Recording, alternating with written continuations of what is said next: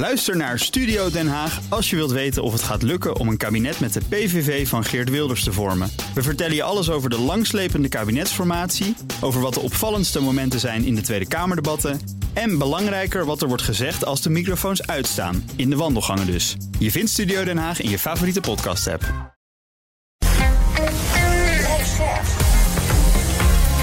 BNR Nieuwsradio. BNR breekt. Kees Dorrestein. Goed dat je erbij bent. Goedemorgen. Wij uh, discussiëren weer over het nieuws met opkomende opiniemakers en deskundigen. Bijvoorbeeld vanaf half twaalf over de kolencentrales. Die kunnen over een kleine twee jaar al dicht. En dus moeten we dat ook doen, zeggen verschillende wetenschappers en milieuorganisaties. En Gertjan Segers vertrekt uit de Tweede Kamer. Is dat een gemis? Of is het juist fijn dat er even een nieuwe wind door de ChristenUnie heen gaat waaien na tien jaar Segers? In mijn panel vandaag Martine Doppen, klimaatactivist en campaigner bij Reclamevrij, fossiel, Reclame Fossielvrij. Welkom. En een, een debutant vandaag, Kevin Klinkspoor. En de, de, de nieuwe voorzitter van de CDA, de jonge partij van, van, de, van het CDA. Zorg je, heb je al voor een nieuwe wind gezorgd binnen de partij? Nou ja, uh, we zijn natuurlijk wel gelijk goed begonnen. Er zit dan wel een kerstreces tussen. Dat is dan natuurlijk vervelend voor de energie. Wil natuurlijk gelijk door. Maar uh, we zijn gelijk goed, goed begonnen met een bezoek aan de Kamerfractie, wat interviews en dat soort zaken. Dus uh, ja, ik ben tevreden. Ja, en kijk, we hebben het over ehm, Amerika dit eerste half uur vanwege het bezoek van Rutte dinsdag. Um, uh, als jij in Amerika uh, op de radio zou zijn, dan zou je niet Kevin Klinkspoor heten, maar Kevin Soundtrack. Bedacht ik me in één keer. ja, daar had ik nog niet over nagedacht. Ja, dat is, vonden we wel toepasselijk ja. op de redactie. Dus zullen we maar direct het over Amerika gaan hebben? Tuurlijk. Ja. BNR breekt. Breekijzer. Ja, hoog bezoek in de VS. President Biden ontvangt dinsdag dus zijn ambtsgenoot... onze premier Mark Rutte en ook uh, buitenlandminister Wopke Hoekstra... in het Witte Huis. Het eerste bezoek van premier Rutte aan Biden. Een belangrijk gesprek ook voor Nederland. Dat benadrukte Rutte ook al na zijn vorige bezoek aan de Oval Office... toen uh, bij Donald Trump natuurlijk. Nederland is de vijfde grootste investeerder in de Verenigde Staten. We zijn de tweede grootste landbouwexporteur na Amerika in de wereld. We hebben een zeer intensieve samenwerking, economisch en op veiligheidsgebied. Daar hebben we afspraken over gemaakt. Daar moet je elkaar regelmatig spreken. Ook al omdat Nederland met het vertrek van het Verenigd Koninkrijk... Uh, in mijn ogen uh, het meest transatlantische land is in de Europese Unie. Zeker van de grotere lidstaten. Uh, en dat betekent ook dat wij regelmatig hier moeten zijn en die gesprekken moeten hebben. Nou, dat gaat hij dus ook doen dinsdag. dan wordt de oorlog in Oekraïne natuurlijk besproken. Ook de samenwerking op het gebied van defensie en handel. De Inflation Reduction Act zal natuurlijk ook op de agenda staan. Ons breekijzer vandaag. Nederland kan niet zonder een goede samenwerking met de VS. 020 468 4 keer 0 Denk je, ik ben het eens. Rutte en Hoekstra moeten er alles op alles zetten... om de relatie met de VS zo sterk mogelijk te houden. Of ben je het oneens en denk je... ja, wij kunnen eigenlijk wel wat minder van die Amerikanen hebben... kunnen ook prima met Europa samenwerken. Of misschien juist veel meer met China. 020 468 4 keer 0. En ook bij mij is eh, Amerika-deskundige Diederik Brink. Welkom. Dankjewel. Ik uh, ga aan jou en ook direct aan het panel vragen... eerst even op het breekijzer te reageren. Nederland kan niet zonder een goede samenwerking met de VS. Eens of oneens? Daar ben ik het mee eens. Ja, als Amerika-deskundige vind ik dat ook wel logisch ja, dan. Hè? Anders heb ik geen werk meer. Nee, het, op dit moment kunnen wij niet uh, zonder die samenwerking. Dat zie je wel eigenlijk nu, nu op defensiegebied.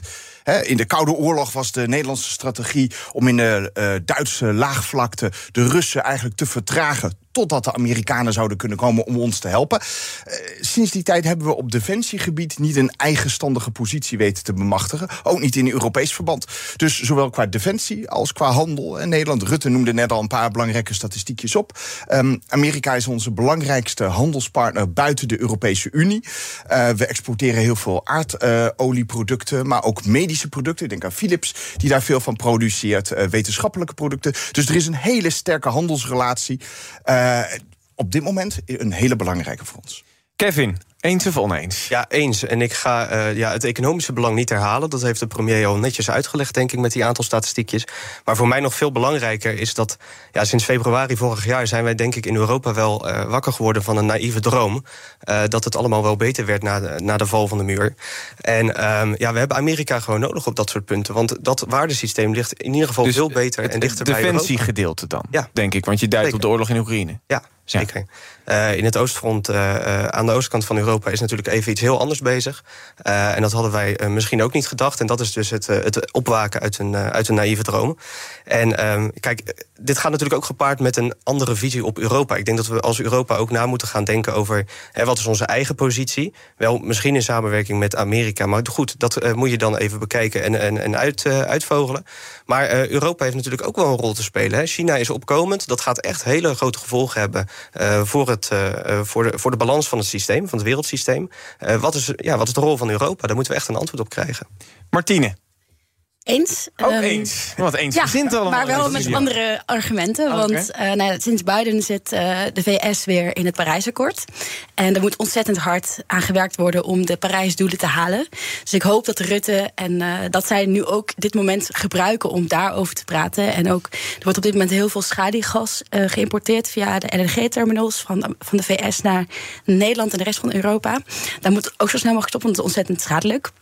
Dus, dus ik, ik ben ze eigenlijk helemaal niet nodig. Nou, ik denk uiteindelijk, we hebben ze nodig om, om die transitie te maken naar juist uiteindelijk veel meer lokalere economieën.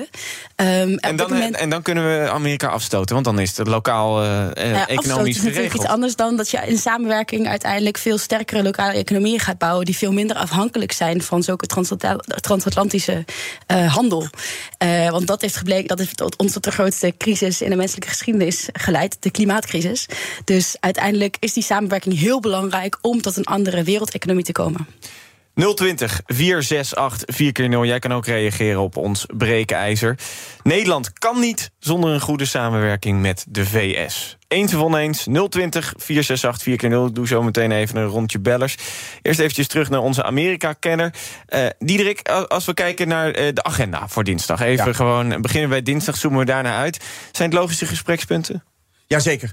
Uh, Oekraïne is natuurlijk een heel logisch en actueel uh, punt op dit moment. Hè. Het gaat over welke type wapens willen we inzetten. Hoe voorkomen we verdere escalatie? Hoe kunnen we Oekraïne helpen en dergelijke. Maar er hoort natuurlijk ook weer het verhaal bij. Uh, wat gaat Nederland doen om het eigen defensie-uitgaven weer op peil te krijgen? Welke wapens kan Nederland. Ah, die zijn al eigenlijk bijna op peil. Hè? We zijn, komen nu wel op de 2%. We gaan richting de 2%. Dat klopt ja. inderdaad. En het zijn eigenlijk regeringen van democraten en republikeinen geweest. Het was niet alleen Donald Trump die in de vorige periode daarover heeft geklaagd. Maar ook heel veel democratische presidenten hebben telkens gezegd: als we dit in NAVO-verband afspreken. En daar kun je wat van vinden. Maar we hebben het afgesproken, moeten jullie ook aan houden. Maar, en, maar denk je dat eh, Biden nu ook met in het oog de oorlog in Oekraïne gaat zeggen ik wil eigenlijk nog dat jullie nog meer gaan uh, leveren. Of in ieder geval specifiek aan Oekraïne ook. Er zit natuurlijk ook een handelsbelang bij. Want als wij, wapens, uh, uh, als wij ons wapenpeil weer uh, omhoog gaan brengen. dan gaan we ze misschien ook wel in de Verenigde Staten kopen. Dus er zit voor de Amerikanen en de Amerikaanse wapenindustrie. natuurlijk ook een heel belangrijk aspect bij. het gaat er natuurlijk ook om om te zorgen dat die ernst van de situatie van hen. niet afhankelijk zijn van Rusland. Hè, zoals we dat met Duitsland hebben gezien. Die hebben heel snel het, het, gaspeil teruggeschroefd. Um, en en daar hebben Amerikanen de afgelopen jaren enorm voor gewaarschuwd. Begonnen onder Obama. Trump heeft dat doorgezet. Wees nou niet afhankelijk van het Russische gas. En daar heeft Europa een paar, in de ogen van Amerika, een paar misrekeningen gemaakt. Zorg nou dat je energie onafhankelijk bent. In ieder geval van een staat als, als Rusland. En bouw daarop voort. En ik denk dat dat ook op de agenda zal staan. Ja, dan uh, hebben we het. Oekraïne hebben we gecoverd. Um, ja, de, de, Nederlandse handel tussen de, de VS, uh, of in ieder geval de handel tussen Nederland en de VS, wat gaat daarover besproken worden? Nou, er zijn natuurlijk een aantal positieve punten. Hè. Zoals Rutte net ook al zei, uh, we zijn een hele belangrijke investeerder in de Verenigde Staten en andersom. Als het dan gaat om landbouwproducten, maar ook gewoon om medische producten.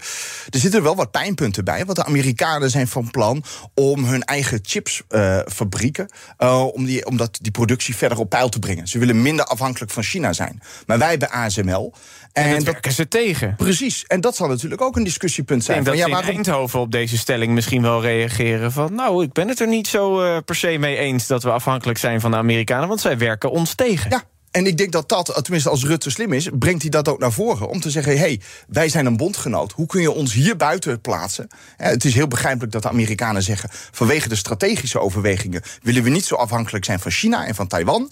Maar om nou je belangrijke partner uh, buiten te sluiten, komt wel heel hard aan. Ook voor onze industrie. en dan is de Inflation Reduction Act ook nog een belangrijk punt.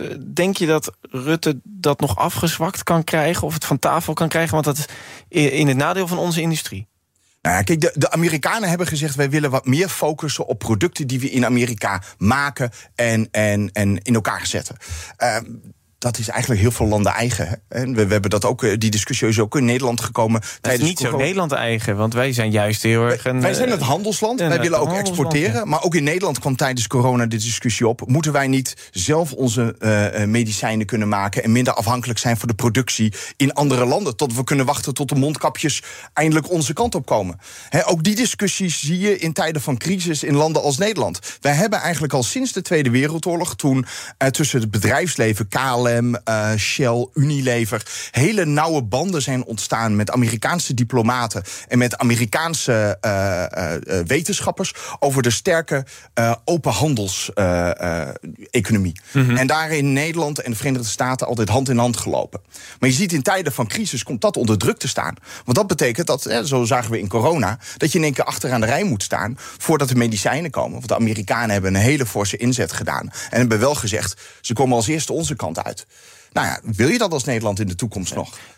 Wat dat betreft is Biden niet heel veel anders dan Trump. Hè? Trump was, zei eh, onze Amerika-commentator Bernard Hamburg gisteren ook heel goed. Uh, Trump was America First. En um, dan was Biden is volgens mij iets van Buy American. Maar dat ja. is eigenlijk precies hetzelfde. Zeker, als het gaat om dit soort keuzes... Uh, dat zag je zelfs met de, met de terugtrekken uit, uit Afghanistan... dat zitten ze heel dicht bij elkaar. Trump brengt het wat meer met aplomp en die zoekt meer de confrontatie en die wil dat ook uitbuiten, want die weet dat het bij zijn achterban heel goed speelt. Waarom zouden we die internationale betrekkingen hebben? Waarom zouden we andere landen helpen? Uh, Biden is wat meer gericht op de samenwerking, maar zeker niet minder als het gaat om Buy American. BNR breekt. Kees Dorrestein. En niet alleen ik, ook twee panelleden, Martine Doppen en Kevin Klinkspoor in de studio. Ook een Amerika-deskundige, Diederik Brink. En het breekijzer. Nederland kan niet zonder een goede samenwerking met de VS. En ja, we hebben natuurlijk een lange relatie hè, met eh, de VS. Het wordt niet voor niks Yankees genoemd. En nou, dan heet ik Kees. Dan hebben we eigenlijk ook een Jan nodig in de uitzending. Jan, goedemorgen. Ja, goedemorgen Kees. Nou, kijk, dat is toch een mooie combinatie. ja, dat, zo, hè? Eh, dat jij to toevallig gebeld hebt. Um, eens of oneens met de breekijzer? Ja, ik ben het eens uh, met het breekijzer. En dat komt omdat uh, Nederland gewoon een grote broer aan haar zijde nodig heeft... eigenlijk om allerlei dingen rondom handel en landbouw... en ook ja, op militair opzicht... Uh, ja, op te lossen en samen te werken. Uh, dat zien we nu ook weer in, uh, in, in die oorlog met Oekraïne. binnen Europa moeten er allerlei beslissingen genomen worden en dingen worden doorgevoerd. Maar je bent wel steeds afhankelijk van 27 neuzen die dezelfde kant uitstaan. voordat er iets doorgevoerd wordt. Dus in dat opzicht denk ik dat besluitvorming en actie in Europa erg lang duurt. En ja, de Amerikanen zijn toch wat resoluter en pakken wat beter door. We hebben ook gezien in conflicten in het verleden als was in Syrië en in Afghanistan. Du moment dat Amerika zegt van nou, wij gaan ons terugtrekken, wij willen onze jongens en meisjes voor de kerst weer thuis hebben. Dat was een uitspraak van Trump in die tijd. Uh, dan breekt in de rest van de wereld zo'n beetje de pleuris uit. Want oh jee, wat moeten we nu doen zonder de Amerikaanse steun? En wij zaten daar ook doordat de Amerikanen dat wilden. Dus dat is misschien ook ja, weer in ons nadeel. Ja, maar we kunnen tegelijkertijd zelf niet onze mensen en de Afghaanse medewerkers uh, die wij uh, hebben ingehuurd uh, tijdig evacueren, moeten daarvoor weer gebruik maken van landen als Qatar, waar we dan ook zeggen die er niks mee te maken hebben. Dankjewel Jan voor jouw reactie. Ik ga naar Dammes. Goedemorgen. Ja, goedemorgen Dammes. Ja, ik ben het eens met de stelling en ik wil het uitbreiden naar dat Europa Nederland nodig heeft. Of dat Europa Amerika nodig Amerika. heeft, bedoelt u dan? Ja, ja. vergissing. Nou, in ieder geval we kunnen over handel praten, het gaat om veiligheid. En dat kan alleen Amerika geven. Nederland is uh, op heel Europa samen met uh, Amerika. Dan is nog wat waard. Maar zonder Amerika zijn, uh, zijn er gewoon kwakende kikkers. Zijn helemaal. Ik was in de vorige eeuw was ik in de Persische Golf. En dan zag ik het flotille Amerikaanse militaire schepen voorbij gaan. kruisers en alles met vlag in de top, Amerikaanse vlag door de straat van Hormuz. Wij lagen, daar moesten een boor aan weghalen. Nou, dat was zo triomfantelijk. En daar komt, uh, er komt geen een Arabisch land daar in het uh, Amerika aanvallen. En dat komt nog steeds niet. Maar wij kunnen dat niet beschermen bijvoorbeeld. Over de, de, ook, de eh, veiligheid, als het daarover gaat... hebben we dus zeker Amerika nodig, zeg jij, eh, Dammers. Dankjewel voor jouw reactie. Eh, meneer Huygens zegt, ik ben het er vierkant mee eens. Waarom zouden we ons onttrekken aan de contracten... die we met Amerika hebben? Ik zou zeggen, laten we dat vooral niet doen. En Fred van der Laar zegt, samenwerken met Amerika is goed... behalve als in Azië dan weer betere prijzen kunnen bieden. Dus dan zitten daar ook nog wel kansen. Eh Diederik Brink, Amerika-deskundige. Als we het even over de eh, economie hebben en over de cijfers. Wat levert Amerika ons op en wat kost het ons? Ehm, als ik mij niet vergis, is, was in 2021 eh, werd er door de Amerikanen voor 28 miljard aan producten uit Nederland gekocht. Dus je kunt zeggen dat er op, eh, eh, de Amerikanen zijn zeer eh, geïnteresseerd in onze hoogwaardige producten. Denk aan de medische industrie, producten van Philips. Landbouwproducten, landbouwproducten, hè, de, de, de doorontwikkeling dat bij ons allemaal uit Wageningen komt. Tot voor kort ook de producten die van ASML uit de hele omgeving Eindhoven komen. No- nog steeds trouwens. Nog steeds- nog steeds vinden ze dat- Precies, Ja. onze, onze chipmaker uit Veldhoven eh, doet het nog steeds goed. Ze willen alleen dat er geen machines meer naar China gestuurd Nee, worden. en ze willen eigenlijk ook hun eigen industrie, hè, de, de, de concurrent, willen ze verder eh, een impuls gaan Maar geven. ik weet dat wij eh, meer importeren dan dat we exporteren naar de VS. Want dat wij, wij importeren zo'n wat is het, zo'n 40 miljard ongeveer. Ja, nee, dat klopt. Wij, wij zijn ook heel erg afhankelijk van dingen die wij uit Amerika halen. Eh, nu denk aan gas. Hè, er is heel veel vloeibaar gas dat eh, nu... Ik weet niet zozeer of Nederland, maar wel veel Europese landen... zoals Duitsland, dat heel erg nu eh, gebruiken. Dat vloeibaar gas dat uit de Verenigde Staten wordt geëxporteerd. Wordt vaak wel doorgevoerd vanuit eh, Nederland ook. Ja, hè? Nederland, ja. ja. En, en dat, dat komt in Nederland aan. Eh, wij zijn natuurlijk ook voor de Amerikanen, als, als het gaat om, om veel andere taken, denk om, om internettechnologie, een knooppunt hier, een hele belangrijke partner. Eh, Eigenlijk zou ik erbij willen zeggen, het, wat, hè, richting de, het, eh, eh, de vraag van vandaag: is dit, is dit een hele goede, belangrijke samenwerking? Ja, maar we zouden ook verder moeten kijken door misschien wel wat meer te gaan zetten op de Europese samenwerking. Want als je eventjes terugkijkt naar de afgelopen periode, dan zie je ook dat de grillen. Het is altijd zo dat het buitenlands beleid van een land wordt bepaald door binnenlandse factoren. En we hebben ook gezien dat onder de Trump-jaren de samenwerking met belangrijke en traditionele partners. Hè, Nederland zou je kunnen zeggen, we zijn de oudste partner van de Verenigde Staten. Het eerste land dat de Amerikaanse onafhankelijke vlag heeft erkend. Dat was de Andrew Doria, die bij Sint Eustatius wilde aanmeren. Dat hebben wij erkend. En daarmee hebben we gezegd, wij erkennen de 13 onafhankelijke staten in de 18e eeuw. Ehm, sindsdien hebben we een hele sterke band. Maar onder Trump zijn er best wel wat eh, scheuren in die relatie gekomen. En er zijn ook signalen bekend dat mogelijk Trump in een tweede termijn eh, uit de NAVO had willen stappen. Eh, dan kun je wel afvragen van willen wij zo afhankelijk blijven van die relatie met de Verenigde Staten als dat zo per president kan verschillen. Hoe, hoe, kijkt het panel daarnaar? Toch meer die focus op een betere Europese samenwerking? Ja, dat is wat ik net onderstreepte, is dat Europa ook heel erg belangrijk is. En dat we dus eh, wakker zijn geworden uit een naïeve droom. En moeten gaan nadenken, wat is onze positie in dat wereldsysteem? China komt op, de VS zal wat afzwakken. Dat zal hele grote veranderingen met zich meebrengen. Wat willen wij als Europa daarin dat er met ons gebeurt? En welke positie moeten we daarvoor innemen? Eh, Trump was wat dat betreft natuurlijk ook wel eh, een, ja, een, een, een opwakening... dat je eh, ineens America First hoorde. En, maar Biden die gaat dat natuurlijk ook wel een beetje doorzetten. Die heeft sommige dingen ook natuurlijk ook gewoon protectionistisch aangepakt... in zijn eigen economie. En dat is ook schadelijk voor Europa. Dus Europa moet echt gaan nadenken, wat is onze rol? Wat, wie willen we zijn en welke waarden horen daarbij? Zouden wij, Martine, eh, sterker moeten staan eh, als Europa zijnde tegenover Amerika? Nou, ik denk dat vooral dat we sterker zijn als we niet afhankelijk zijn inderdaad van eh, andere landen. Veel veiliger ook. Dus als we binnen Europa eh, onze grondstoffen kunnen eh, winnen om windmolens te maken, om zonnepanelen te maken. Ehm, de meeste oorlogen hebben een, relatie met olie, kolen of gas. In de toekomst gaat, gaat watertekorten een heel groot probleem zijn. Dus ik denk hoe, hoe sterker we lokale economieën maken, waar dan ook ter wereld, hoe minder internationale conflicten er zullen zijn. Dus in, wat dat betreft denk ik, ja, we, zijn, we hebben samenwerking nodig om uiteindelijk dus naar zo'n veel sterkere lokale economie te komen, maar wel in samenwerking met elkaar. Dus dat we kijken hoe gaat die transitie zo snel mogelijk in gang gezet worden eh, en hoe kunnen we daar allemaal zo gezond mogelijk uitkomen. Ik zie dat eh, René eh, Pijnenburg heeft gebeld eh, naar 020 468 4 Hij is het oneens met de stelling dat ons breekijzer Nederland kan niet zonder een goede samenwerking met de VS. René, waarom ben je het oneens? Goedemorgen. Nou, als ik een beetje goed geluisterd heb toen ik inviel, hebben jullie het heel eventjes kort over Brainport eh, Eindhoven gehad. Ik, ik hoor ook dat je daar middenin staat uh, nu, of niet? nou ja, valt mee. Ik ben wel Eindhovenaar, dus, uh, maar dat is, dat is even voor deze discussie niet zo heel, heel zinvol. Maar uh, ja, de reden waarom ik nee zeg is, als volgt. Ik denk uh, alle dossiers die meneer Rutte een beetje in handen heeft gehad, ja, die zijn uh, verprutst of worden verprutst. En ik denk dat heel weinig mensen in Nederland weten wat daar in Brainport aan de hand is. We hebben daar als klein postzegelland in de wereld hebben wij een unieke voortrekkersrol samen met, met China, Amerika, met Silicon Valley en nog een aantal anderen. en dat gebeurt allemaal onder de rook van, van Eindhoven en Brabant.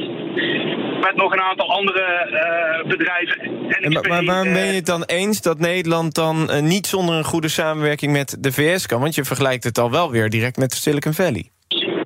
Nou ja, goed, kijk, ik denk dat we dat Europees moeten doen. Ik denk dat wij dat heel veel discussies die in Nederland op dit, moment plaatsvinden, dat moeten wij als Nederland niet doen. Je moet een teven, als je een tegenwicht wil, bieden, moeten we denk ik veel meer vanuit het continent denken. Dat is één. Uh, twee, dit is zo groot voor Nederland. Hier hebben we zo'n ontzettende uh, voortrekkersrol in de nieuwe wereld die op ons afkomt. Ja, ik weet niet als we dit in de handen van meneer Rutte gaan leggen, of hij het wel of niet kan verprutsen, die voortrekkersrol. En het tweede wat daar ook, ook meespeelt, ehm, meneer Rutte is misschien over een jaar weg. Durf meneer Rutte, als hij geïmponeerd wordt in het Witte Huis, nee te zeggen. Ja, ik heb daar heel sterk mijn, tegen, mijn twijfels. Tegen Trump zei hij nee gewoon, hè? Ja, maar ja, goed. Ik denk dat het jou en mij ook nog wel lukt om dat tegen Trump, Trump te zeggen. Nou, dat, dat weet ik niet hoor, als je daar in het Witte Huis zit. René, nee, dankjewel uh, voor jouw reactie in ieder geval. Want ik vind het interessant om eventjes ook aan Diederik voor te leggen. Um, Goed dat je dat trouwens aanhaalde. Hè? Het was Rutte die als een van de weinige wereldleiders... in het Oval Office naast Trump heeft gezeten... en zei, sorry, maar dat zien we echt anders. Maar oké, okay, maar dan op zich uh, had net wel een punt... Uh, dat hij zegt, ja, wij hebben daar een hele belangrijke technologische sector... daar bij Eindhoven zitten. Um, Amerika zegt, wij willen gewoon niet meer dat ASML die chipmachines aan uh, China gaat leveren. Dat is een enorme kostenpost voor een van onze belangrijkste bedrijven in het land. Gaat Rutte tegen Biden zeggen... nou, dat, dat gaat er niet doorheen komen. Als zij die chipmachines willen leveren aan China, dan mag dat gewoon.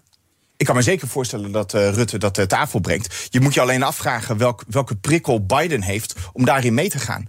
Biden heeft zelf, en uh, dat was, een, was een, een van zijn grootste politieke prestaties, een enorme investering door het congres weten te loodsen. En we weten, de Amerikaanse Senaat is diep verdeeld. Hij heeft echt moeten knokken voor dat, die, die hele Chips Act, om juist die uh, chipsproductie in Amerika een gigantische financiële impuls te geven. Het wordt nu per staat gekeken waar kunnen nieuwe fabrieken of onderzoekscentra worden opgebouwd. Dat is een van zijn grootste legacies. Ik geloof dat hij dat in afgelopen in, in augustus, september door het congres heeft gelood. Het is een van zijn grootste successen. Dus het is maar kan hem... Rutte dan ook zeggen: oké, okay, maar als ASML die maar aan China mag leveren, dan wil ik eigenlijk dat ze misschien nog wel meer aan jullie kunnen leveren, aan jullie nieuwe fabrieken. Dan wil ik dat hier direct even je handje klap uh, op zijn oud-Hollands aftikken. Dat lijkt mij wel de inzet.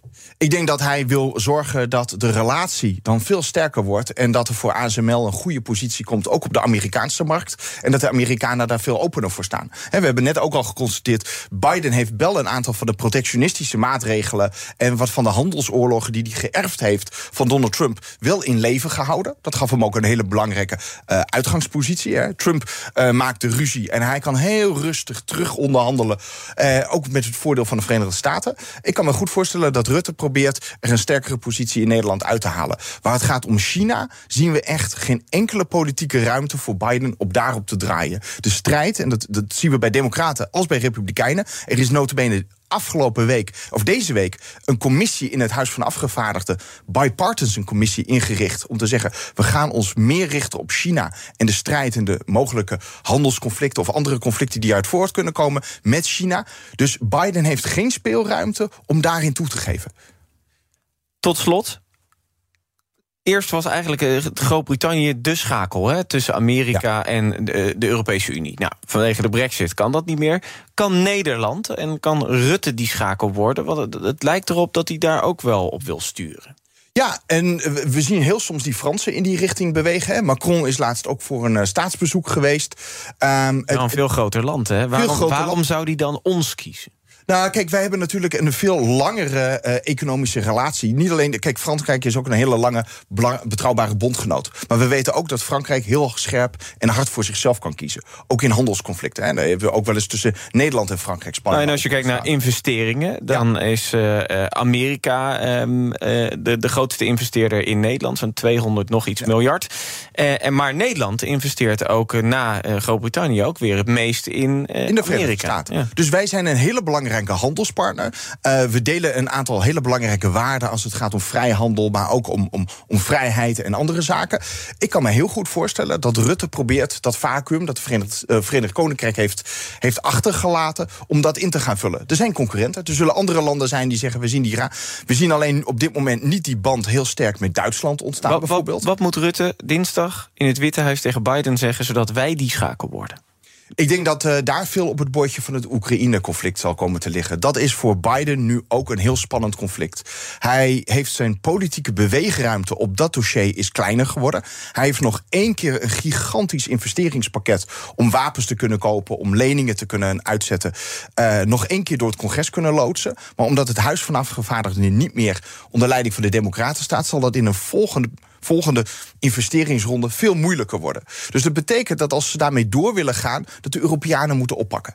En ik denk dat je een uh, hele goede slag bij Biden kunt maken door te zeggen. Wij pakken het vanaf hier af aan ja, over. Ik ga daarvoor hiermee door. voor lobbyen ja. en dan, dan wordt je. De beweegruimte van Biden is daar kleiner geworden. Hij heeft nog één bak geld.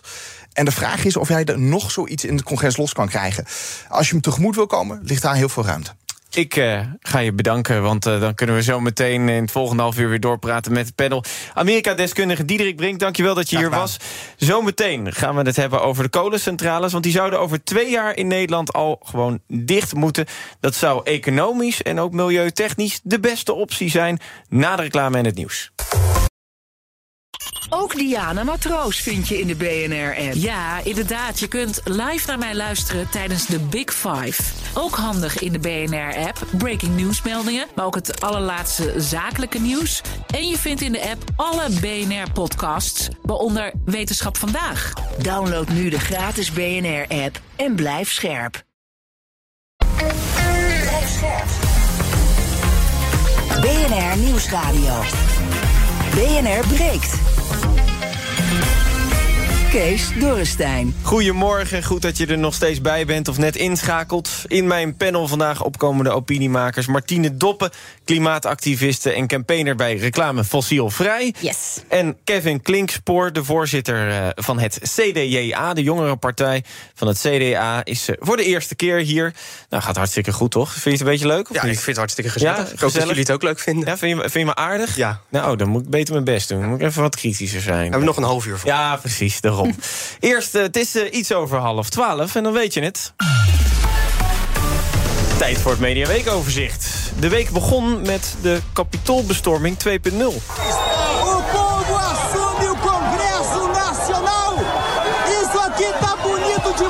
De overheidsgebouwen in de hoofdstad van Brazilië werden bestormd. Inmiddels zijn er zo'n 1500 mensen gearresteerd... en worden de regeringsgebouwen nog steeds zwaar beveiligd. President Lula da Silva is gewoon aan het werk in een beschadigd presidentsgebouw. Van Brazilië naar Amerika, want president Biden heeft wat uit te leggen. News about the discovery of what appear to be records from the Obama-Biden administration at an office used by Mr. Biden before he became president. Some of them classified. Op twee privélocaties van Biden zijn vertrouwelijke documenten gevonden... die hij in zijn tijd als vicepresident mee heeft genomen. As I said earlier this week, people know I take classified documents and classified material seriously. I also said we're cooperating fully and complete with the Justice Department's review. Er is nu een speciaal aanklager ingesteld om dit te onderzoeken. Veel economisch nieuws deze week. Want voor het eerst in anderhalf jaar tijd is de Nederlandse industrie gekrompen. 0,2 procent. Maar in de chemische sector gaat dat bijvoorbeeld om een krimp van 15 procent. Voorzitter Ingrid Thijssen van VNO-NCW wil daarom extra steun. Het gaat ook over uh, grondstoffen die uh, Nederland en Europa echt nodig hebben... en waar we eigenlijk onafhankelijk juist in willen zijn. Terwijl nu echt een risico uh, ontstaat... dat ja, die industrieën ook definitief um, stilvallen en vertrekken. De luxe auto-industrie deed het dan juist weer goed. Merken als Bugatti, Bentley, Rolls-Royce en Lamborghini noteerden allemaal recordcijfers. Nog nooit zoveel auto's verkocht. En ook Porsche noteerde goede cijfers. Paul van Riesen van Quote kijkt er ja, toch niet zo van op. Het tikt aardig aan, uh, maar goed, als je kijkt uh, hoeveel uh, rijken erbij komen. De, laatste telling was dat er 46.000 extra ultra-high net worth individuals bij zijn gekomen. Echt extreem rijke mensen die meer dan 50 miljoen te besteden hebben in dollars. dus ja, zet dat af tegen die 6.000 Rolls Royces en ja, het valt allemaal wel weer mee. En de huizenprijzen zijn voor het eerst in negen jaar gedaald met 6,4 procent op jaarbasis. Toch blijft het nog wel voor starters lastig om een huis te vinden, zegt de NVM. En dus kunnen programma's als Kopen zonder kijken gewoon blijven bestaan. Met de altijd vrolijke en niet veel eisende kopers daarin. Oeh, ja, dit is hem dus wel. Ja, toch niet het hoekhuis. Nee. Tadaa. Mooi vloertje. Uh, toch? Ja, dan wel. Wat niet? Nou, het is wel een gekke indeling, toch? En deuren? Oh, het zijn geen schuifdeuren. Het zijn geen schuifdeuren. Het is goed dat je weet dat er heel veel aan gedaan wordt. Ja, dit zouden wij niet kopen. Nee. Ik vond het een heel raar huis, van binnen. Ondanks het reces was er ook uh, politiek nieuws. Er was een uh, asieloverleg met leden van het kabinet... waar voor het eerst ook Rutte en Kaag bij waren. En er werd bekend dat de nareisbeperking voorlopig van tafel gaat. Omdat mensen met een verblijfsvergunning die beperking aanvechten bij de rechter... en telkens winnen, vertelt politiek verslaggever Leender Beekman. En staatssecretaris Van de Burg schrijft nu in een brief aan de Tweede Kamer... dat het in de lijn der verwachtingen ligt dat andere rechtbanken... tot eenzelfde besluit gaan komen. En het effect en het nut van de maatregel voorlopig dus ontbreekt daardoor. En tot slot, deze week maakt het wereldberoemde restaurant Noma bekend... om haar deuren te gaan sluiten. Het drie-sterren-restaurant in Kopenhagen... dat meermaals tot beste restaurant ter wereld is uitgeroepen. Hè? Het Noma. Met een chef die dan weer zo goed is... dat, dat hij eigenlijk alles aan zijn gasten zou kunnen voorschotelen... zegt kok Ron Blauw. Al doet hij een gefermenteerde paardendrol. dan zullen ze nog zeggen van ja, ja, ja het is wel een heel apart smaakje. Maar, uh, maar, maar en dat is iets, als je dat kan uh, naar, je, naar je gasten toe, ja, dan, dan ben je wel een grootheid. Iets heel anders. Nieuws van vandaag. Want onderzoekers en milieuorganisaties roepen op om niet in 2030, maar in 2025 al helemaal te stoppen met de kolencentrales. Van alle onderzochte scenario's is dat het meest kosten- en milieueffectief, vertelt Peter de Jong, programmaleider duurzame energieproductie bij Natuur en Milieu. Uh, vooralsnog uh, lijkt het erop dat die tot 2030 volop mogen draaien. Het is natuurlijk uh, dweilen met de kraan open als je dat tegelijk allemaal andere klimaatmaatregelen gaat nemen. Nou, Martine, jij bent van het klimaat. Precies, daar ben ik het natuurlijk helemaal mee eens. Jij bent het helemaal mee Hoe sneller, hoe beter, ja. Kolen zijn echt ontzettend schadelijk en ontzettend ongezond. Ieder jaar sterven er in Nederland 12.000 mensen vroegtijdig door luchtvervuiling. Dat komt ook onder andere door de kolencentrales, ook door ons verkeer. Al die auto's die erbij zijn gekomen, dat helpt daar ook absoluut niet bij. Um, en kolen, ja, dat is die zijn dus sinds de, de, inval bij, in Oekraïne zijn ze weer uh, verder open gegaan. En dat maar was is dat ook geen logische idee. reden om ze dan toch tot 2030 open te halen? Want we hebben ook energie nodig. Klopt, we moeten veel meer energie besparen. We kunnen veel meer gas besparen, nog en veel meer elektriciteit besparen dan wat we nu doen. Bijvoorbeeld als je kijkt in Amsterdam, alle uh, reclames bijvoorbeeld. Nou, ik zit in de reclames. Ja, die, inderdaad. Die dat, heb je geen werk meer. Uh. Nee, precies. Nou ja, ik hoop dat ze allemaal verdwijnen. Maar sowieso, dat bedoel, al, dat, al die energie die daarvoor nodig is om die lichten van die reclamezuilen aan te houden. In heel veel landen in Europa hebben ze die dus na de inval in Oekraïne met de gas- en de energiecrisis hebben ze die uh, weggedaan. Hebben we nog niet gedaan in Nederland. Uh, er kan ontzettend veel. We hoeven absoluut niet alle groenten, zomer en winter in, in de supermarkten te hebben. Dus een deel van, van onze economie, hoe die er nu uitziet, moet anders. Um, waardoor we dus met minder gas kunnen. En daarom dus zeggen zij. dus ook dus eerder sl kunnen sluiten. Ja, en dan, uh, dan kost dat je wel wat, maar minder dan dat ze eerst kregen. Precies, het is nu een investering. En misschien sommige bedrijven zullen dus uh, moeten stoppen met bestaan of moeten uh, flink krimpen. maar uiteindelijk alle winst die je haalt op, op klimaat, die krijg je straks niet in schade terug. En uiteindelijk de investering nu in duurzame energie is het allerbeste. In kolen, olie en gas zit helemaal geen winst meer te behalen. En dat voelen de olie- en gasbedrijven, want die staan bij de overheid te kloppen om extra subsidies. En tegelijkertijd blijven ze zo lang mogelijk doorgaan met ehm, de, de infrastructuren die ze al hebben gelegd. om daar alles nog uit te halen wat erin zit. Ze blijven doorpompen met olie, kolen en gas. Ehm, die- ze zijn niet van plan om uit zichzelf te gaan stoppen. Dus dat moet echt vanuit de overheid komen. En Ja, maar dat, kijk, oh, het gaat stoppen. Alleen nu is de vraag dus in 2025 of 2030. Kevin, vind je dit een goed plan van onder andere natuur en milieu? Ja, als het in 2025 kan, graag. Maar we hebben daar wel natuurlijk even eh, wat, wat voorwaarden bij. Dat we wel eh, zorgen dat onze energievoorziening, je haalde het net al aan, dat dat wel eh, gewaarborgd blijft. En dat de prijs voor consumenten redelijk betaalbaar blijft. Kijk, ik heb ook een beetje het idee dat we in het kabinet te snel hebben gedacht. Nou ja, goed, vanaf 1 januari zouden de kolencentrales slechts 35% mogen opereren. En ik heb het idee dat ze daar heel snel van hebben gezegd. Nou ja, goed, de, de gasleveranties die zijn niet zeker sinds de oorlog in Oekraïne. Dus we zetten die kolencentrales maar weer aan. En ik heb niet het idee dat we er genoeg gaan doen eh, aan de kant van de besparing. eh, of met vloeibaar gasimport. Maar, maar Martine zei het ook al, besparen. Maar komen we er alleen met besparen, denk je? Ja, dat weet ik niet. Kijk, ik, ik denk dat we er niet genoeg gaan doen nu om te besparen. Eh, je haalt net al een aantal voorbeelden aan van dingen waar we op kunnen besparen. Eh, met, met de ene zal ik het eens zijn en de ander misschien niet. Ehm, maar ik denk dat het kabinet eh, iets te snel heeft gedacht... nou ja, goed, we doen de kolencentrales maar weer aan. Want dat is nu even makkelijk Of- en daarna of- gaan we in de crisisstand. Moeten we dan kijken, oké, eh, kolencentrales zijn wel heel erg vies. Er komt straks veel LNG aan. Nou, dan gaan we dat gebruiken tot en met 2000. Zo moet je de transitie ook wel een beetje voor je zien. Hè? Dat je de, de slechtste eruit haalt en dan ga je naar de minder slechte. En zo door richting die transitie naar volledig schone energie. Hè, je kan niet eh, in één keer overgaan van de meest vervuilde... eh, en alles wat vervuilt eigenlijk naar alles wat schoon is. Hè, je zal daar inderdaad eerst kolen gaan afstoten. eh, dan ga je olie afstoten. Gas Martine, als ik jou hoor, dan, dan hoor ik alleen ja, besparen. Eh, dan, dan zegt Kevin, er zit wel een gradatie in, dus we moeten geleidelijk overgaan. Nou, kijk, hoe de, de huidige economie erin, er- eruit ziet en onze huidige energieconsumptie, dat kan je niet nu morgen gaan vervangen voor hernieuwbare energie. Maar we moeten ook veel minder energie gaan gebruiken. Dus een derde ongeveer van het gas gaat eigenlijk maar naar de huishoudens in Nederland. Ehm, heel veel van de elektriciteit gaat naar de zware industrie. Dat kan een stuk minder. We moeten minder gaan consumeren. We moeten een hele andere. Ja, maar dat is bijvoorbeeld ook om kunstmest te maken. Zonder kunstmest eh, groeien de planten niet. En dan, eh, dat, dat hebben we Ja, ook de nodig. meeste, de meeste eh, dingen waar kunstmest op groeien is uiteindelijk veevoer. Dus we moeten uiteindelijk min- minder vlees gaan eten met z'n allen. En we moeten die planten direct op gaan eten. De- En dat wil je allemaal we- voor 2025 regelen. Nou, kijk, het moet in ieder geval allemaal een stuk sneller. Deze vragen liggen nu nog helemaal niet op tafel. Dus het, wat nu de vraag is van... oké, we hebben deze energieconsumptie. Hoe kunnen we die vervangen voor iets wat minder slecht is dan kolen? En dan gaan we LNG uit Amerika halen, wat omstreden schaliegas is. We halen het uit Bangladesh, waar mensen zelf zonder energie zitten. Dus dat zijn allemaal geen oplossingen die duurzaam zijn. Maar als je dan, eh, dan kijkt, dan, ehm, dan wil Natuur en Milieu dit eh, per 2025. Die zeggen ja. Bij nood kunnen we dus eh, op, eh, op LNG gaan stoken. Want dat is in ieder geval eh, milieuvriendelijker dan kolen. Maar, dan, hoorden we Tennet gisteren, de, de, de netbeheerder. en die zegt.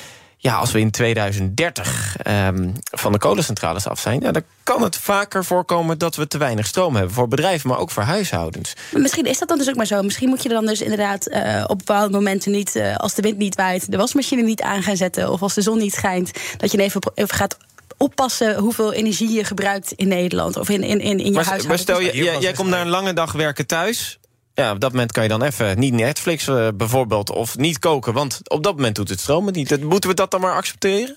Absoluut. Dit is de grootste crisis van de menselijke gezondheid, de grootste gezondheidscrisis ook. Dus eh, die aan kolen en ander verkeer en alle luchtvervuiling eh, en de klimaatcrisis ook daaraan verbonden is. Dus alles moeten we op alles zetten om uiteindelijk meer gezondheidswinst, meer klimaatwinst te behalen. Dus als we over, over in 2050 is één op de negen mensen op de wereld op de vlucht vanwege de klimaatcrisis. Als je dat in verhouding zet tot inderdaad, als je thuis komt, misschien geen Netflix kunnen kijken, dan is dat toch niks. We moeten toch vechten voor het leven. Ja, hiervan zeggen wij als CDA, ja, kijk, je moet ook kijken naar kernenergie. Op het moment dat de eh, zon niet schijnt... Maar dat eh, is er pas vanaf de wind niet waait. 2040, hè, Ja, maar goed, die transitie die gaat ook echt wel wat langer duren dan 2025 of 2030. Hè. Zoals ik net zei, we gaan eerst kolen uitfaseren. Dan ga je dan misschien vervangen met LNG-gas. En vervolgens ga je door, dan is die kerncentrale gebouwd, ga je daar weer op door. Eh, want we hebben ook een probleem met netcongestie. eh, en dat het net op een gegeven moment die elektriciteit elektriciteitsvraag ook niet meer aan kan.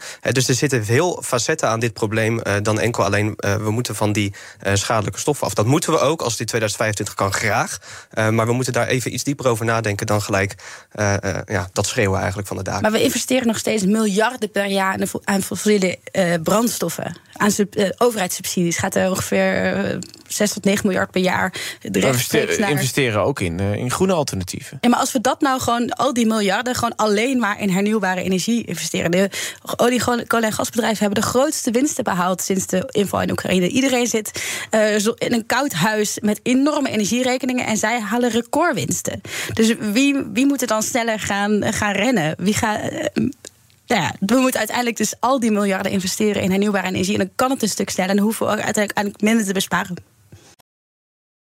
Ook Thomas van Zeil vind je in de BNR-app. Je kunt live naar mij luisteren in Zaken doen. De BNR-app met breaking news. Het laatste zakelijke nieuws. En je vindt er alle BNR-podcasts. Bijvoorbeeld Het Nieuwe Geld. Download nu de gratis BNR-app en blijf scherp. BNR breekt. Ja, om toch nog heel even bij het milieu te blijven. eh, nog even kort naar jouw eigen nieuws, eh, Martine. Want jij wilt hebben over ExxonMobil, de oliegigant. Eh, voorspelde in de jaren 70 al nauwkeurig eh, dat de klimaatopwarming eraan zat te komen. Dat hebben nu in ieder geval wetenschappers ontdekt. En, en de vraag is nu, wat gaat dit voor de oliereus betekenen? Precies, nou ja, eigenlijk weten we dit al heel erg lang. Maar het is nu nog een Ja, want ik, toen door... ik dit hoorde, dacht ik, ja, dit was toch al lang bekend dat die bedrijven dit wisten. Precies, maar het is heel goed dat het nog een keer in het nieuws komt. Shell is eenzelfde soort voor, eh, voorbeeld. Een Nederlands bedrijf van origine. eh, die ook al sinds de jaren 60, 70 zelf heel veel onderzoek deed naar de gevolgen van de eigen industrie op de klimaatcrisis. Eh, Dat niet, op dat moment werd het nog niet de klimaatcrisis genoemd. Maar ze kwamen er heel snel eigenlijk achter van: nou ja, dit gaat een ontzettend eh, groot probleem worden. Ehm, heel veel mensen binnen Shell, binnen Exxon ook, hebben uiteindelijk gezegd: oké, dit moet anders, we moeten hiermee stoppen. En uiteindelijk is er een enorme lobby geweest. Er zijn er enorm veel, is er heel veel publiek, of ja, publiek geld ook, maar heel veel geld geïnvesteerd om een heel ander verhaal eigenlijk te vertellen. Van heel veel twijfel te zaaien ook over of dat nou wel daadwerkelijk. Kijk, bij over, ik bedoel, daar hebben die, die bedrijven, ja, die hebben gewoon als bedrijfsvoering inderdaad fos- fossiele eh, producten verkopen. Mhm. Eh, maar ja, overheden, die hebben ze ook gewoon afgenomen. Dus, dus kan je nu wel boos gaan zijn op ExxonMobil? Nou, er zit, een enorm, eh, er zit een enorme lobbystrategie achter. Er wordt ontzettend veel geld geïnvesteerd in heel veel reclame, in heel veel sponsoring, in heel veel eh, nou ja, lobbyisten die dus dagelijks eh, proberen dat overheidsbeleid te beïnvloeden. En te zeggen: jij hebt als land heb je olie, kolen en gas nodig. Er is geen andere manier dan een economie te bedrijven dan met je olie, kolen en gas. Maar kijk, daar hebben we het net ook al wel een beetje over gehad. Maar als we dan nu kijken naar de, de, de volgende stap. Wat, wat moet dit betekenen voor ExxonMobil? Moeten milieuclubs wat jou betreft dan nu eh, dat, dat bedrijf gaan aanklagen? Van jullie wisten het al. Nou, dat hebben we in Nederland natuurlijk met Shell gedaan. Ik ben zelf ook onderdeel van de rechtszaak tegen Shell eh, met Milieudefensie. En dat, het gebeurt, er zijn ook al verschillende rechtszaken tegen ExxonMobil. Het is een, volgende reden om inderdaad ook hen ehm, nou ja, verantwoordelijk te, eh, te, te houden daarvoor. Misschien ook zelfs CEO's daarvoor het verantwoordelijk te houden. Want er zijn mensen die bewust dit wisten, bewust misleidende en eh, verleidende reclames hebben gemaakt. Om te zeggen: kijk, wij zijn een supergroen bedrijf. Ach, en die klimaatcrisis, dat, eh, dat, dat, dat is niet zo'n groot probleem. Twijfel zaaien, mixed messages, dat is de beste manier om uiteindelijk mensen te laten te doen geloven dat het allemaal wel meevalt. En daar hebben ze ontzettend be- veel belang bij gehad, waardoor ze heel lang zijn doorgegaan met eh, olie en gas. En dat vandaag de dag nog steeds doen. Dus dit is een volgende, een, een, volgende reden eigenlijk weer om te zeggen: oké, we moeten die eh, olie- en gasbedrijven, die zijn niet te vertrouwen. Zij Dus- doen er alles aan om winstmaximalisatie te hebben. Ze hebben ben, echt ben je al met de Shell-aanklagers aan het praten om nu ExxonMobil eh, te gaan vervolgen? Eh, nog niet ExxonMobil is ook een Amerikaans bedrijf uit de VS. Dus het is beter ook om dat in de VS te doen. Er zijn heel veel klimaatactivisten die, dat, die dit ook weer als een Maar jullie kunnen Engels, jullie kunnen toch even bellen naar de VS? Ja, klopt, maar juridisch is het beter als je dus. eh, wij konden Shell ook in Nederland voor de rechter slepen, omdat het een dus een Nederlands bedrijf op dat moment toen was. Ehm, waardoor juridisch veel, veel sterker staat. En dit is in de rechtszaak tegen Shell ontzettend veel meegenomen. Ook, en uiteindelijk hebben we die rechtszaak dus gewonnen. Shell is dus nu in een hoger beroep gegaan eh, daar, daarvoor. Dus die rechtszaak heeft nog een Maar dit is dus niet. Dit, dit nieuws en dit wetenschappelijke bewijs is weer een volgende ehm, ja, reden om te zeggen... We, die olie- en gasbedrijven zijn niet te vertrouwen. Uh, wat zij proberen nu is een, een, een plek eigenlijk te hebben in die transitie, in die klimaattransitie. Om te zeggen, kijk, wij zijn supergroen, terwijl ze nog zo lang mogelijk doorgaan met olie, kolen en gas. Daarom maken ze ook heel veel reclame, heel veel publieksreclame. Dat is eigenlijk precies dezelfde spelletjes die ze toen ook al speelden. Nou, maar voor jullie is het een, een, een winstdag. Voor ons dus is het een winst en ook een reden om te zeggen... alle fossiele reclame die moet verboden worden. Kevin, jij wilt het hebben over Segers. Ja, een van de fractievoorzitters in de Tweede Kamer... die ik toch persoonlijk best wel hoog had zitten. Uh, ook in mijn vriendengroep weet ik dat die uh, allemaal gerespecteerd wordt. Ook al zitten daar uh, geen ChristenUnie-stemmers. Ja, precies, want dat zijn allemaal CDJA'ers. Nou, nee, ik heb niet alleen maar CDA-vrienden, oh. rustig maar. Ik heb ook vrienden die VVD, GroenLinks, Partij van de Arbeid... naar het hele maar toch vinden ze Gert-Jan Segers fantastisch. Ja, en ik kan dat ook wel een beetje indenken. Want nou ja, hij komt op mij ook over als een integere man. En iemand die, wanneer er een moeilijke beslissing is... en hij afwijkt van zijn eerdere standpunt, dat ook durft uit te leggen. Uh, en daar ook de tijd voor neemt. Uh, nou ja, de befaamde meloenen inslikken, en de, nou, dat heeft hij wel een paar keer gedaan. Um, ja, dat, dat is voor mij exemplarisch voor hoe hij, ja, hoe hij te werk gaat. En ik vind op zijn, afscheids, zijn afscheidsbrief vind ik ook heel goed. Hij zegt erin, iedereen is vervangbaar en Gods werk is teamwerk. Voor mij zit het erop, onze missie gaat door. En dat deed mij denken aan, aan, iets anders... van iemand die recentelijk is overleden op 31 december. Dat is Paus Benedictus. die zei toen hij net verkozen was door de kardinalen... ik ben simpelweg een eenvoudige en nederige dienaar... in de wijngaard van de Heer. En ik vind dat mooie uitspraken die uh, ik noem met elkaar... Maar om, uh, ja, kijk, nee, maar ik, ik, toch ik, ook wel wat, uh, wat, wat, wat, wat smerige vlekken, Benedictus... over ja, zijn nee, carrière. Dus wil, om die twee nou te vergelijken... Ik, wil, ik wil de uitspraken vergelijken, echt mm -hmm. de personen vergelijken. maar wat de uitspraken voor mij zeggen... is dat je realiseert dat je tijd er op een gegeven moment ook op is. ik ken iemand die in het landsbestuur zit... die dat lesje misschien nog wel even moet leren. Oh, wie? nou, onze premier, die denk ik die uh, over zijn houdbaarheidsdatum wel heen is. Um, maar goed, uh, die uitspraken die zijn voor mij exemplarisch voor het feit dat je ook doorhebt van nou, op een gegeven moment is het klaar en is het goed dat ik het stokje doorgeef en dat er ja, een nieuwe generatie is. Nu dus tien jaar. In, in de Kamer. Zij zegt hij wil meer tijd voor, voor zijn gezin, maar ja, als, als het zo'n goede bestuurder is, moeten we die dan niet koesteren en eigenlijk nog langer in de Kamer weer? Ja, dat is echt een thema wat echt door die hele Kamer loopt. Want de afgelopen periode zijn er denk ik al een stuk of vijf of zes Kamerleden afgehaakt vanwege de hoge werkdruk. Uh, dus ik denk dat we onze parlementsleden ook echt moeten gaan koesteren. Uh, en echt moeten kijken hoe we hen beter gaan ondersteunen. Want uh, ik snap echt wel dat hij na tien jaar zegt: Goed, nu is het goed geweest en ik heb tijd nodig voor mijn familie, voor mijn gezin. Ik hoop dat het eigenlijk anders gaat worden bij de ChristenUnie. Ja? Nou, meer vrouwen. Volgens mij stond er helemaal geen enkele vrouw heeft daar ooit op de lijst gestaan. In ieder geval de afgelopen Tweede Kamerverkiezingen stond er geen enkele vrouw op de lijst bij de ChristenUnie. Uh, oh, je bedoelt de SGP? Oh, dat is de SGP. Oh, ja. ja, bij de ChristenUnie is het nu wel mooi. Oh, de nieuwe, sorry. De nieuwe ja. lijsttrekker de... wordt een vrouw. Ja, ook, Wat een vrouw? Dus, ja, maar bij de ChristenUnie is het nu zo dat de fractievoorzitter, tevens de partijleider, de uh, partijvoorzitter en uh, de fractieleider in de Eerste Kamer zijn alle drie vrouwen. Oh, nou, nu wordt het wel heel veel hoor. Ja. I love it. De voorzitter van de jongerenorganisatie is nog een man daar. Dus ja, en wat zijn hun, hun uh, standpunten of LHTBI-rechten bij de ChristenUnie? Dat, nou, ik weet dat daar een discussie gaande is, maar dat zou je mij niet moeten nou, vragen. Ik hoop dat dat ook lekker is. Ik weet niet. Uh, zij is van het CDA natuurlijk. Ja, ja. We gaan nog eventjes uh, naar wat er trending is op dit moment. Waar wordt over gesproken op de socials? Nou, Rotterdam is onder andere trending. Uh, niet zozeer omdat Feyenoord gisteren van PEC won in de KNVB-beker. Uh, maar vooral vanwege gemeenteraadslid uh, Bal Wantsing van de PvdA. Hij stapt op naar ophef over het feit dat hij 23 woningen bezit. Um, dat hij, en, en dat hij ze vooral eigenlijk niet zo goed onderhoudt. Dus hij gaat nu eerst tijd besteden om die woningen goed te onderhouden, zegt hij. FC Groningen is ook trending. Want de club speelde gisteren in de beker tegen Spakenburg, een amateurclub. En ja... En dan het verlossende fluitsignaal. Spakenburg wint in Groningen met 3-2. Wat een sensatie en wat een blamage voor FC Groningen. Een bekerverrassing. Een amateurclub schakelt een Eredivisieclub uit. Lisa Marie Presley, de dochter van, houdt de gemoederen ook bezig. Zij is op 54-jarige leeftijd uh, overleden gisteren... na een hartstilstand. Dus ze is uiteindelijk op dezelfde manier overleden als haar vader. En ook jong. Gerard Sandering, tot slot, de 74-jarige uh, ja, tech-miljonair... Uh, blijkt stiekem getrouwd te zijn... met de zelfbenoemde cyber-expert Rian van Rijbroek.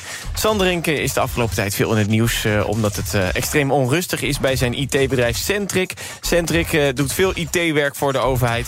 Op dit moment heeft hij daar geen inspraak meer op last van de rechter. Dus het bedrijf zegt ook dat de bruiloft en het feit dat Sanderink uh, nu getrouwd is met Van Rijbroek... dat het geen invloed heeft op het bedrijf.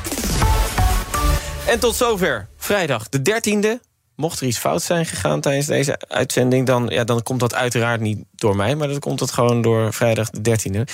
Mijn niveau was... Uh, Had ik nog niet gerealiseerd. Uitermate hoog weer, natuurlijk. Um, ik bedank uh, Martine Doppen, klimaatactivist en campaigner... bij Reclame Fossielvrij in het panel.